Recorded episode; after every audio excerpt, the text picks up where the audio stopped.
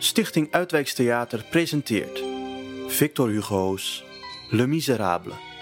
Een hoorspel in drie afleveringen. Aflevering 1.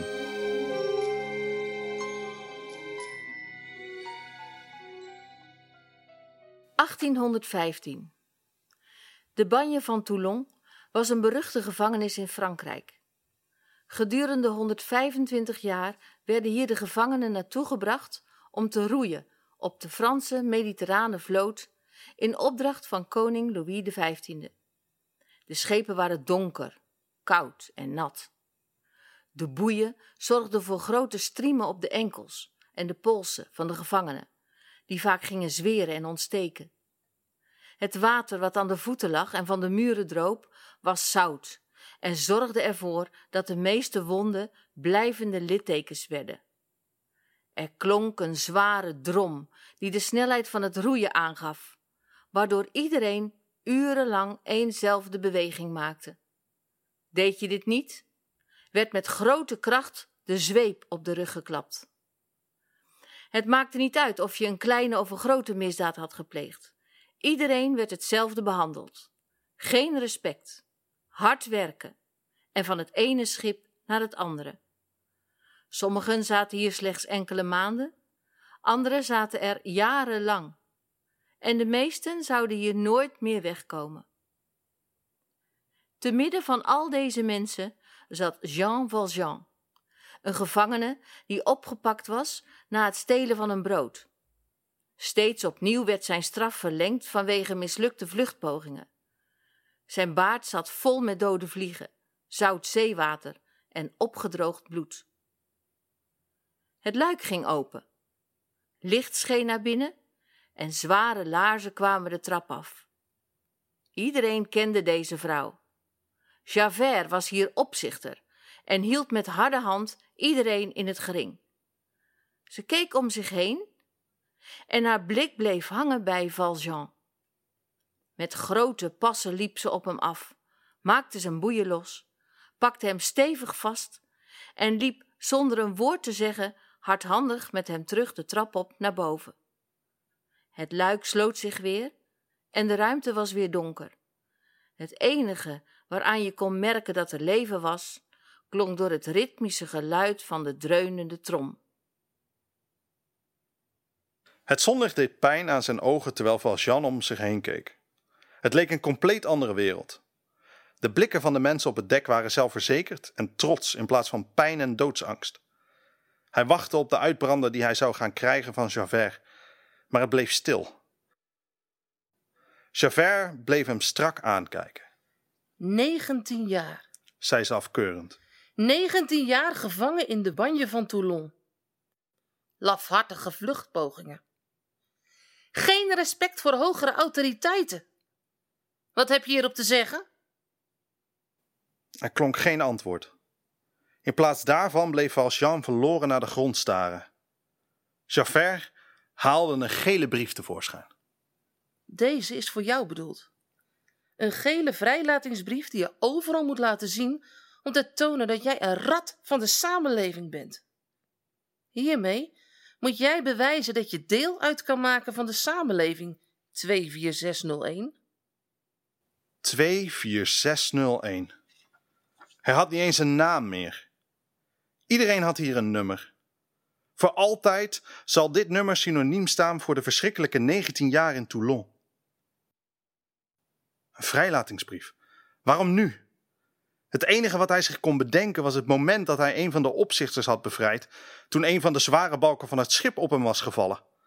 Andere opzichters waren te hulp geschoten, maar niemand leek de balk op te kunnen tillen. Valjean bood zijn hulp aan en iedereen wist dat er niets anders op zat dan de hulp te accepteren. Met de ongelofelijke kracht van Valjean werd de balk iets van de grond getild, waardoor de opzichter kon ontsnappen. Javert had dit allemaal gezien. Zou dat de reden zijn van zijn vrijlating? De gele brief werd hem toegereikt. Hij pakte het beet, maar Javert weigerde het papier los te laten. In plaats daarvan trok ze Valjean naar zich toe en pakte hem stevig vast. Ik hou jou in de gaten, 24601, zei ze dreigend. Je hoeft maar één misstap te maken en je bent weer op je oude vertrouwde plek aan een van de riemen van het schip. En dan zal ik ervoor zorgen dat jij nooit meer wegkomt. Ze liet het papier los en verdween in het kombuis. Tot zover het medeleven naar de gevangene. De redder in nood van vele weken terug. Valjean keek naar de oever en besloot geen minuut langer aan boord van het schip te blijven. Toulon was een levendige havenplaats. Overal zag Valjean mensen aan het werk om dit plaatsje draaiende te houden. Aan de overkant zag hij hoe een boer aan het stoeien was met een vat wijn, dat hij op de kar probeerde te krijgen. De boer wankelde en het leek erop dat het vat bovenop hem zou vallen. Valjean snelde naar de man toe en wist nog net op tijd het vat tegen te houden. Samen duwden ze het omhoog de kar op. Dank je. zei de man. Geen probleem. Ik ben op zoek naar werk. Kan, kan ik iets voor je betekenen? Altijd. Heb je enige papieren? Valjean haalde zijn gele vrijlatingsbrief tevoorschijn en gaf hem aan de boer, waarbij het gezicht van de boer meteen vertrok. Ik kan je niet helpen. Zei hij snel. Ik kan het makkelijk alleen. U zei net dat u altijd hulp kan gebruiken. Niet van jouw soort. De man wilde weglopen, maar Valjean hield hem tegen. Kunt u niets voor me doen? Wil je iets? Snauwde de man. Hier, neem dit. En dan wil ik je niet meer zien. Hij hield een munt in zijn hand. De munt was weinig waard, maar het was beter dan niets. Valjean wilde hem aanpakken, maar net voordat hij de munt vast had, gooide de man hem op de grond. Valjean dook erachteraan, maar het muntje werd door een voorbijganger weggetrapt. De mensen om hem heen lachten misselijkmakend om hem. Vuilnis hoort nou eenmaal op de grond. Dus stel ik voor dat jij daar blijft liggen. De man liep weg en reed met de kar de straat uit. Valjean keek om zich heen om te zien of hij ergens kon aankloppen. Maar overal kreeg hij hetzelfde antwoord wanneer hij zijn vrijlatingsbrief liet zien. Hij was eindelijk van het schip af, maar veel menselijker was zijn situatie niet geworden. Het begon al donker te worden toen Valjean de moed begon op te geven. Voor hem stond zijn laatste hoop: een kerk. Met lood in zijn schoenen liep hij richting de voordeur en klopte aan. Voor een lange tijd gebeurde er niets. Hij draaide zich om en bereidde zich voor op een nacht slapen in de buitenlucht. In ieder geval was het beter dan slapen achter de riemen van het schip, tussen het zweet van de anderen en het zoute zeewater wat de hele tijd op je lichaam druppelde. Net wanneer hij van het stoepje af wilde stappen, ging de deur met een kier open. Het gezicht van een bisschop werd belicht door het licht van een kaars. Ja, Vroeg de man. Ik zoek een plek om te overnachten. Ik... Nog voordat hij de zin kon afmaken, ging de deur open en de man wenkte hem naar binnen. u komt precies op tijd. Ik stond op het punt om te gaan eten. Ik zal mijn werkster vragen om een bordje erbij te zetten. U begrijpt het niet. zei Valjean voordat hij zichzelf kon tegenhouden. Ik ben een ex-gevangene. Hier is mijn vrijlatingsbrief. De man weigerde zijn papieren aan te nemen. U bent in het huis van God. Hier is iedereen gelijk. Maar misschien heb ik wel mensen vermoord. Wellicht breng ik uw veiligheid in gevaar. De man leek niet van zijn stuk gebracht. In plaats daarvan plaatste hij een hand op zijn schouder. Dat risico durf ik wel te nemen. Valjean werd naar een grote eetkamer geleid, waar een gedekte tafel stond, gevuld met zilverwerk en vele soorten voedsel. Hij ging zitten en begon gulzig te eten. De bisschop schoof hem zo nu en dan wat extra voedsel voor, wanneer Valjean het niet durfde te pakken. Na een goede maaltijd knikte Valjean naar de bisschop en wilde opstaan. Blijf nog even zitten. Zei de bisschop: Ik weet niets van u. Laat mij mezelf even voorstellen. Ik ben Myriel, de bisschop van Toulon. Valjean keek hem onzeker aan, maar besloot uiteindelijk het spel mee te spelen. Mijn naam is Jean Valjean. Ik ben 19 jaar geleden opgepakt voor het stelen van een brood. Vanmorgen ben ik vrijgelaten, maar overal wordt mij meteen de deur gewezen. Ik wil proberen een nieuwe start te maken. Ik neem aan dat u het brood nodig had om te overleven. Vroeg Myriel. Om het gezin van mijn zus te voorzien van een maal. Het waren strenge tijden. Myriel knikte goedkeurend. Ik neem aan dat u vanavond een slaapplek nodig heeft. Ik zal een kamer voor u klaarmaken. Vol ongeloof keek Valjean hem aan. U biedt mij een kamer aan? U geeft duidelijk om uw medemens. Zei Myriel zacht. Het minste wat ik voor u kan doen, is u een slaapplek aanbieden. Met deze woorden verliet Muriel de kamer nog voordat Valjean kon reageren. Het huis was donker en het laatste uur had Valjean liggen luisteren of hij geluiden hoorde. Toen het voor hem duidelijk was dat iedereen diep in slaap was, stond hij op uit zijn bed. De vloer voelde koud onder zijn voeten, maar vrijheid had nog nooit zo goed gevoeld. Hij liep naar zijn deur, luisterde, maar hoorde niets. Hij opende de deur en liep voorzichtig de gang op. De vloer kraakte onder zijn voeten en bij elk kleine kraakje bleef Valjean even staan om te kijken of er ergens een deur open zou gaan. Maar het bleef stil en donker. Valjean liep naar beneden en trok zijn schoenen aan. Hij wou naar de deur toe lopen toen zijn oog op het zilverwerk viel. Bekers, borden, bestek. Alles bij elkaar moest dat een fortuin waard zijn. Hij pakte een zak uit de hal en voelde deze zoveel hij kon. Hij ging hastig te werk. Het zilverwerk maakte genoeg geluid om het hele huis wakker te maken. De deuren bleven echter gesloten en het huis bleef stil. Valjean wierp een laatste blik in de kamer en rende naar buiten. De volgende ochtend werd Miriel ruw gewekt door een harde kreet in het huis. Hij snelde uit bed en rende de trap af. Daar stond zijn werkster Baptistine geschrokken in de keuken. Monsieur Miriel! Riep ze met angst in haar stem. Het zilverwerk! Alles is weg! Miriel wierp een blik in de lade en zag inderdaad dat het meeste zilverwerk was verdwenen. Even voelde hij de paniek toeslaan, maar wist deze meteen weer te onderdrukken. Rustig, Baptistine, zei hij met een rustige toon. Waarschijnlijk is het meegenomen door onze gast. Gast noemt hij dat. U bent overvallen, monsieur. Paniek is een slechte raadgever, Baptistine. Probeer rustig te blijven. Op dat moment klonk een harde klop op de deur. Daar stonden twee gendarmes met Valjean tussen hen in. Ze duwden hem op de grond. We hebben deze man opgepakt met uw zilverwerk in zijn tas, zei een van hem. Hij beweert dat u dit aan hem geschonken heeft. Miriel moest nu snel denken. Hij had twee keuzes: deze man verraden of een tweede kans geven. Dat klopt. Ik zie alleen dat hij de kandelaren vergeten is. Het mooiste van de hele set. Hij reikte Valjean de kandelaren. Valjean pakte ze met een onbegrijpende blik aan. Na een korte overtuiging vertrokken de gendarmes en Miriel knielde bij Valjean neer. Zie dit als een tweede kans, zei Miriel belerend. U zei dat u uw leven wilde beteren. Ik heb nu uw ziel gekocht, zodat u dit kunt doen. Valjean stond op, te beschaamd om de bisschop aan te kijken. Uw ziel behoort nu aan God. Stel hem niet teleur. Ga nu.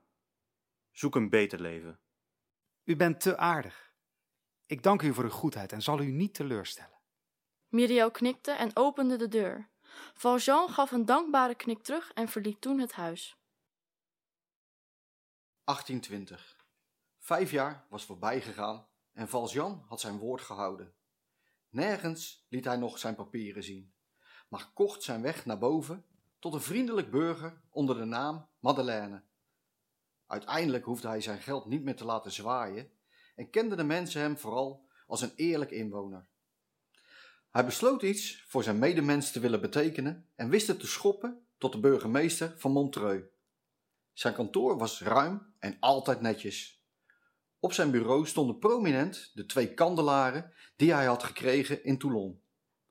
Er klonk een klop op de deur en Victorin, zijn rechterhand, kwam binnengelopen. Monsieur Madeleine, de nieuwe inspecteur van de politie wil kennis met u maken. Laat maar binnen. Een moment later stapte de inspecteur naar binnen. Even leek het alsof de kaarsen aan de muur zouden doven en het kantoor voelde ineens een stuk kouder aan. Valjean keek naar de inspecteur en herkende het gezicht meteen. Goedemiddag, monsieur, begon de inspecteur. Mijn naam is Javert. Ik ben hier nieuw als inspecteur van de politie. Natuurlijk. Neemt u plaats. Javert trok de stoel tegenover Valjean naar achteren en het schuren van de poten over de vloer leek een eeuwigheid te duren. Javert nam plaats en bleef Valjean strak aankijken. Ik heb lang gewerkt als opzichter in Toulon, maar wilde graag een stap hoger zetten. Na mijn dienst bij de politie ben ik erg blij dat ik hier als inspecteur kan beginnen. Ik ben al jarenlang omringd door gespuis en weet ze meteen aan te wijzen. Want niet alle criminelen zijn meteen herkenbaar. Ik ben hier om alle criminelen achter slot en grendel te zetten. Zichtbaar en onzichtbaar. Ik zal ze vinden. Valjean slikte even. En de criminelen die veranderen? Ik neem aan dat iemand zijn leven kan beteren. Niemand, zei Javert met een lach. niemand kan zijn leven beteren. In onze eerste levensjaren krijgen we een keuze. Of we kiezen voor het juiste pad en groeien op tot een eerwaardig burger, of we kiezen het verkeerde pad en dwalen voorgoed op het pad gehuld in duisternis. Dat is het moment waarin we een levensbepalende keuze maken. Er is geen kans tot verandering, want zo zijn wij mensen niet gemaakt. Ik heet u van harte welkom en ga ervan uit dat wij een glansrijke toekomst tegemoet gaan. Oh, dat weet ik wel zeker. Als u het niet erg vindt, ik heb nog een hoop te doen. Natuurlijk, vergeeft u me. Javert stond op en liep naar de deur. Net voordat ze de deur opende, draaide zij zich om. Neem me niet kwalijk, maar sinds ik hier naar binnen liep, bekruipt mij een vreemd gevoel dat ik uw gezicht ergens van ken. Even stokte de adem van Valjean in zijn keel. Ach, zie zoveel mensen, het zal wel niet zijn. Ik wens u een fijne dag. En met deze woorden verliet Javert het kantoor. Valjean liet zichzelf in zijn stoel zakken en voelde hoe het zweet hem uitbrak. Montreux was een welvarende stad en de meeste fabrieken waren in het beheer van Valjean. Zo ook een kleine fabriek waar sieraden werden gemaakt. Aan lange tafels zaten talloze vrouwen te rijgen, te steken en te poetsen. Fantien, kom eens hier, schatje. De groep vrouwen keek naar de hoek van de tafel, waar een eenzame vrouw zat. Deze vrouw, Fantine, probeerde de opmerking te negeren en werkte rustig door. Ik vroeg je wat, Del. Of zitten de sieraden soms verstopt in je oren? Dus zo stel jij alles dus. Fantine keek op richting de vrouwen, Ik zou nooit wat stelen. zei ze onschuldig.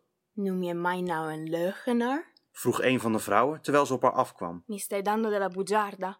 Fantine zag hoe de hand van de vrouw in haar rok verdween en ze iets glinsterends tevoorschijn haalde. Fantine pakte de pols van de vrouw beet en trok het mes uit haar hand. De andere vrouwen doken er bovenop en binnen enkele seconden was iedereen in gevecht met elkaar. En nu uit elkaar! klonk een stem. Iedereen keek op en daar stond Madeleine, samen met de bedrijfsleidster. Dames, het is hier een fabriek en jullie gedragen jezelf als barbaren. De vrouw met het mes wilde reageren, maar Madeleine stak zijn hand in de lucht. Ik wil het niet horen. Jullie mogen dit oplossen met de bedrijfsleidster. Als ik morgen terugkom, wil ik dat jullie je als beschaafde mensen gedragen. Madeleine draaide zich om en liep de fabriek uit. Alle vrouwen begonnen door elkaar heen te schreeuwen, maar de bedrijfsleider maande iedereen tot stilte. Wie heeft dit op haar geweten? Vroeg ze. Iedereen wees naar Fantine. Fantien? Het is alweer de zoveelste keer dat je het middelpunt bent van al het geweld in deze fabriek. Ik heb je nu genoeg kansen gegeven en ik wil dat je gaat. De tranen sprongen in de ogen van Fantine. Alsjeblieft niet. Smeekte ze. Ik heb het geld nodig voor Cosette. U kunt niet. Bespaar me de tranen. Je bent ontslagen. Maar De bedrijfsleider pakte haar ruw beet en smeet haar naar buiten, duidelijker kan ik niet zijn. zei ze driftig. Ga maar ergens anders heen met je problemen. Wij zijn hier eerlijke werkers en we hebben jou niet nodig. Ze smeet de deur dicht en Fantine stond op. Geen idee wat ze nu moest gaan doen. Urenlang liep Fantine door de straten van Montreuil. Ze was meerdere keren nageroepen en elke opmerking probeerde ze te negeren. De val op de stoep voor de fabriek had haar ellebogen en knieën geschaafd en er zat modder in haar haar. De laatste jaren ging het steeds slechter vanwege de bronchitis. Terwijl ze liep, voelde ze hoe haar lichaam moeite had om haar verder te dragen. Maar ze moest door. Ze kon zich hier niet zomaar laten vallen. Plotseling ging er een vrouw voor haar staan. Wat heb jij prachtig haar? zei de vrouw, terwijl ze haar haren streelde. Wat wil je ervoor hebben? De vraag was brutaal, maar Fantine kon het geld goed gebruiken.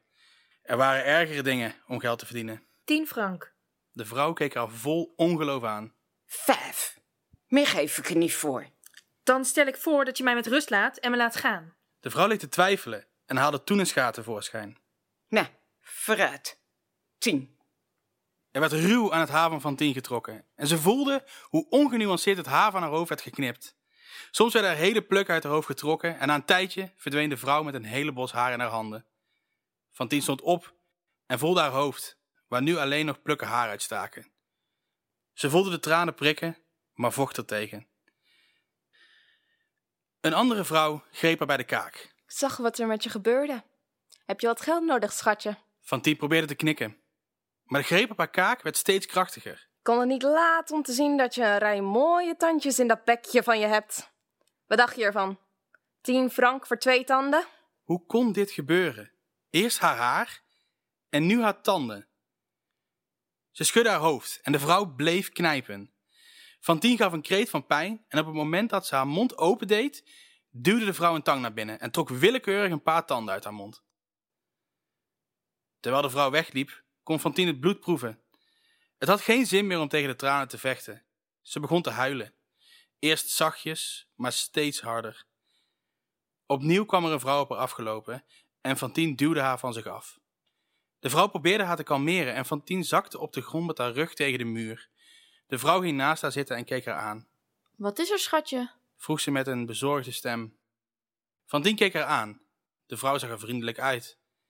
Ze was prachtig als een prinses in een sprookjesboek.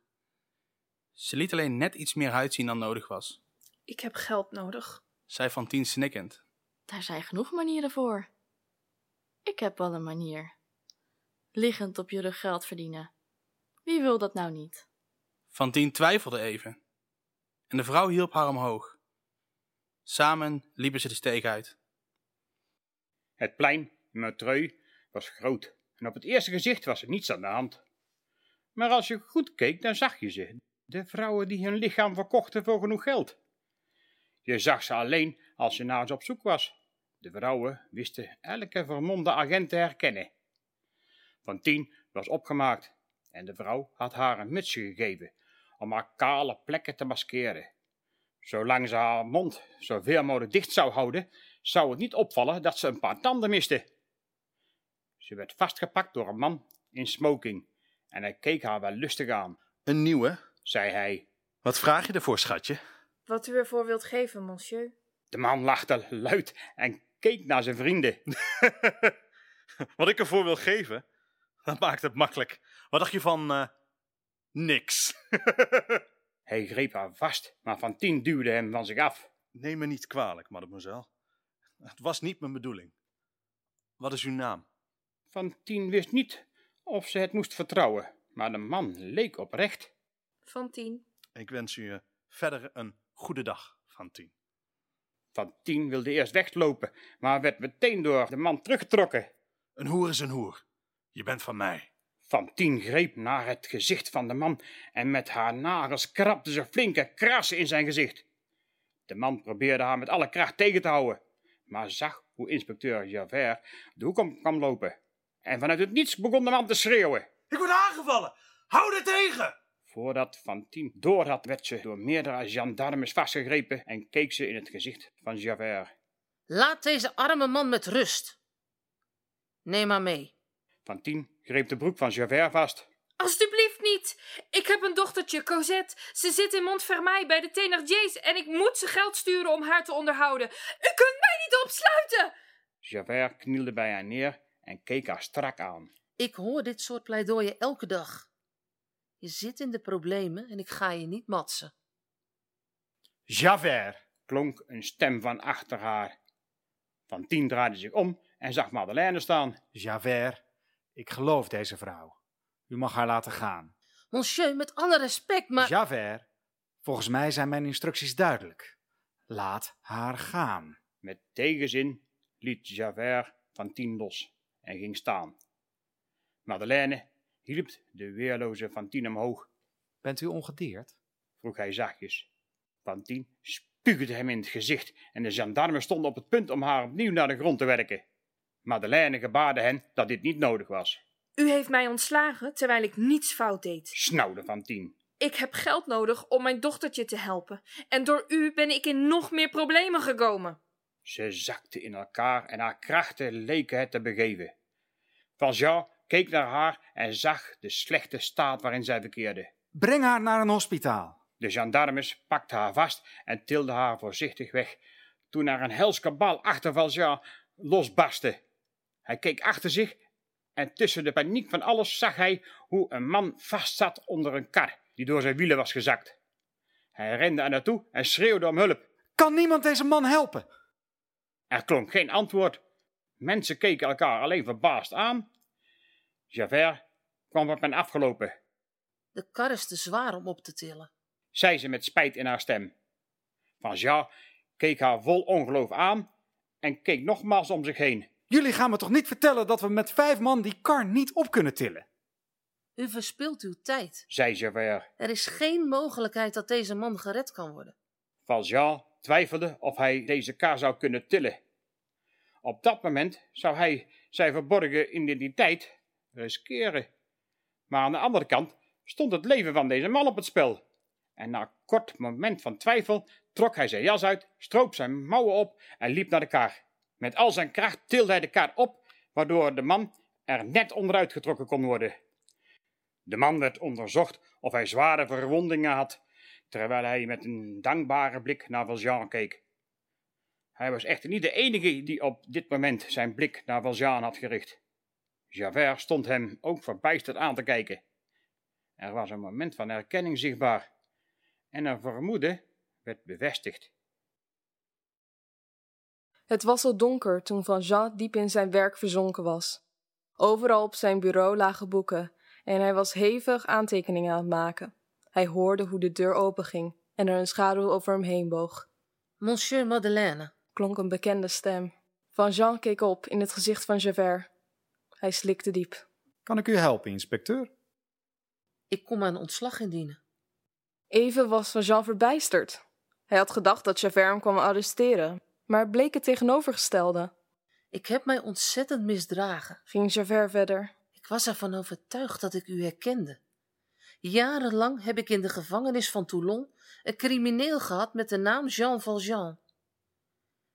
Hij werd na 19 jaar dwangarbeid vrijgelaten met een vrijlatingsbrief die hij waarschijnlijk vernietigd heeft. Ik heb gezworen om hem te pakken te krijgen en even was ik ervan overtuigd dat u deze man was. Ik heb mij ontzettend vergist en daarom wil ik hierbij mijn ambt neerleggen.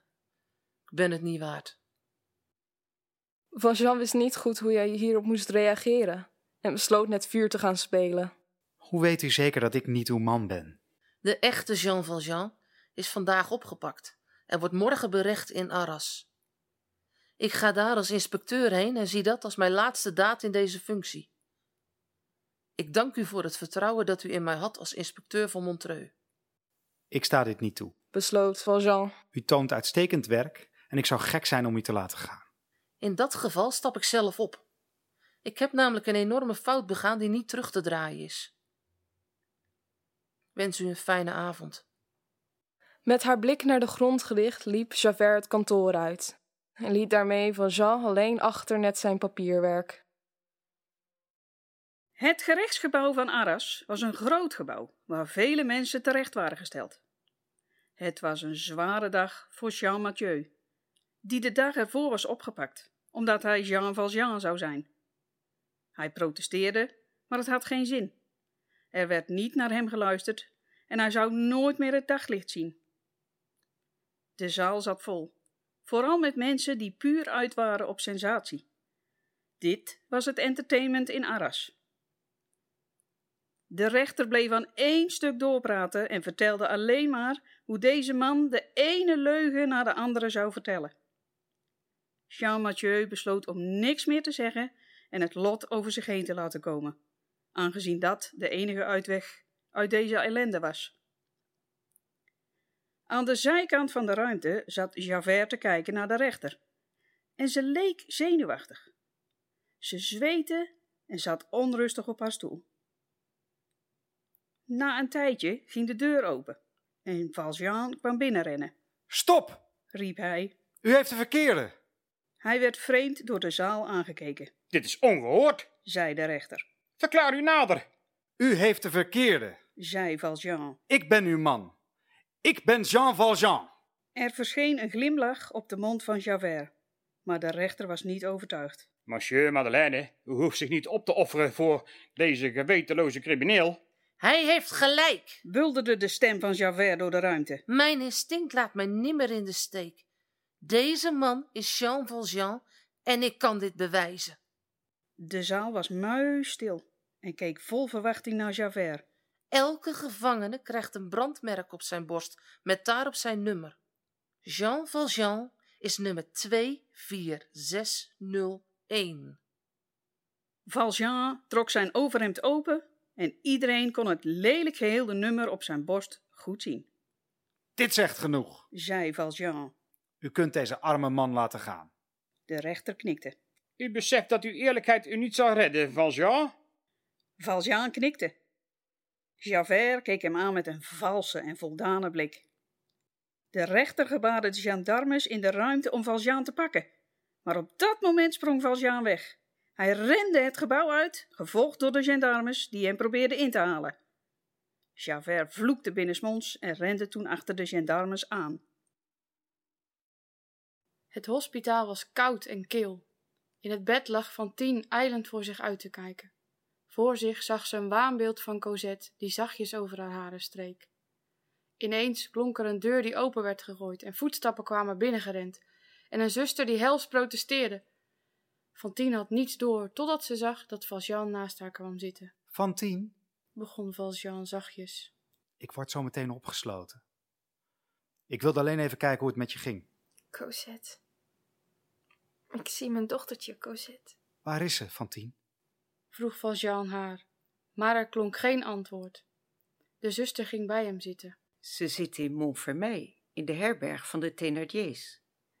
Elke week betaalt Fantine hen een bedrag om voor haar te zorgen. Valjean keek naar de eilende Fantine. Ik beloof je dat ik Cosette voor je ga halen. Dat is het minst wat ik voor je kan doen.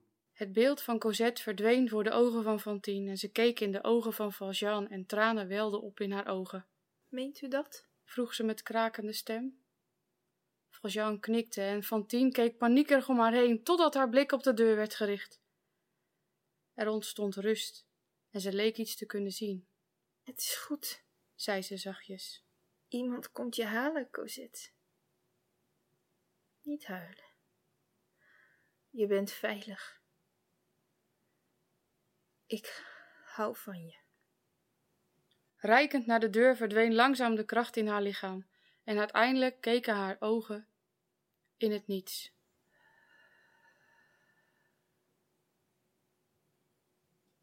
De deur waarvan Tina keek opende en Javert verscheen. Valjean, begon ze. Je mag dan te snel zijn voor de politie, maar ik weet je altijd te vinden.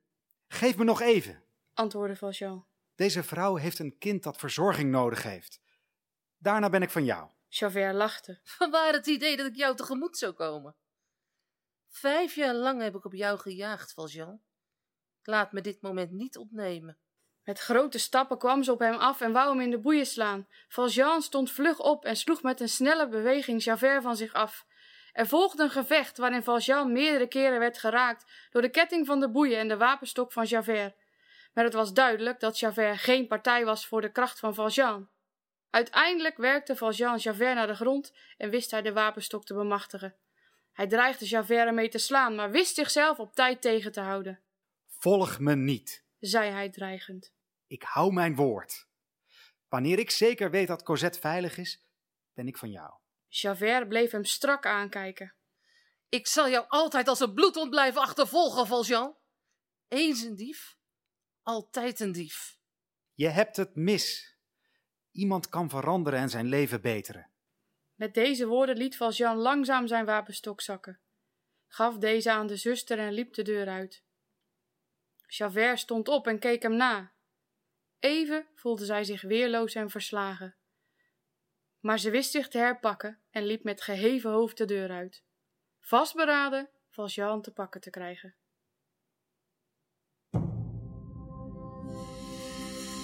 Dit was aflevering 1 van Victor Hugo's Le Miserable, een productie van De Stuiter. Voor meer informatie kunt u terecht op www.destuiter.nl. Bedankt voor het luisteren.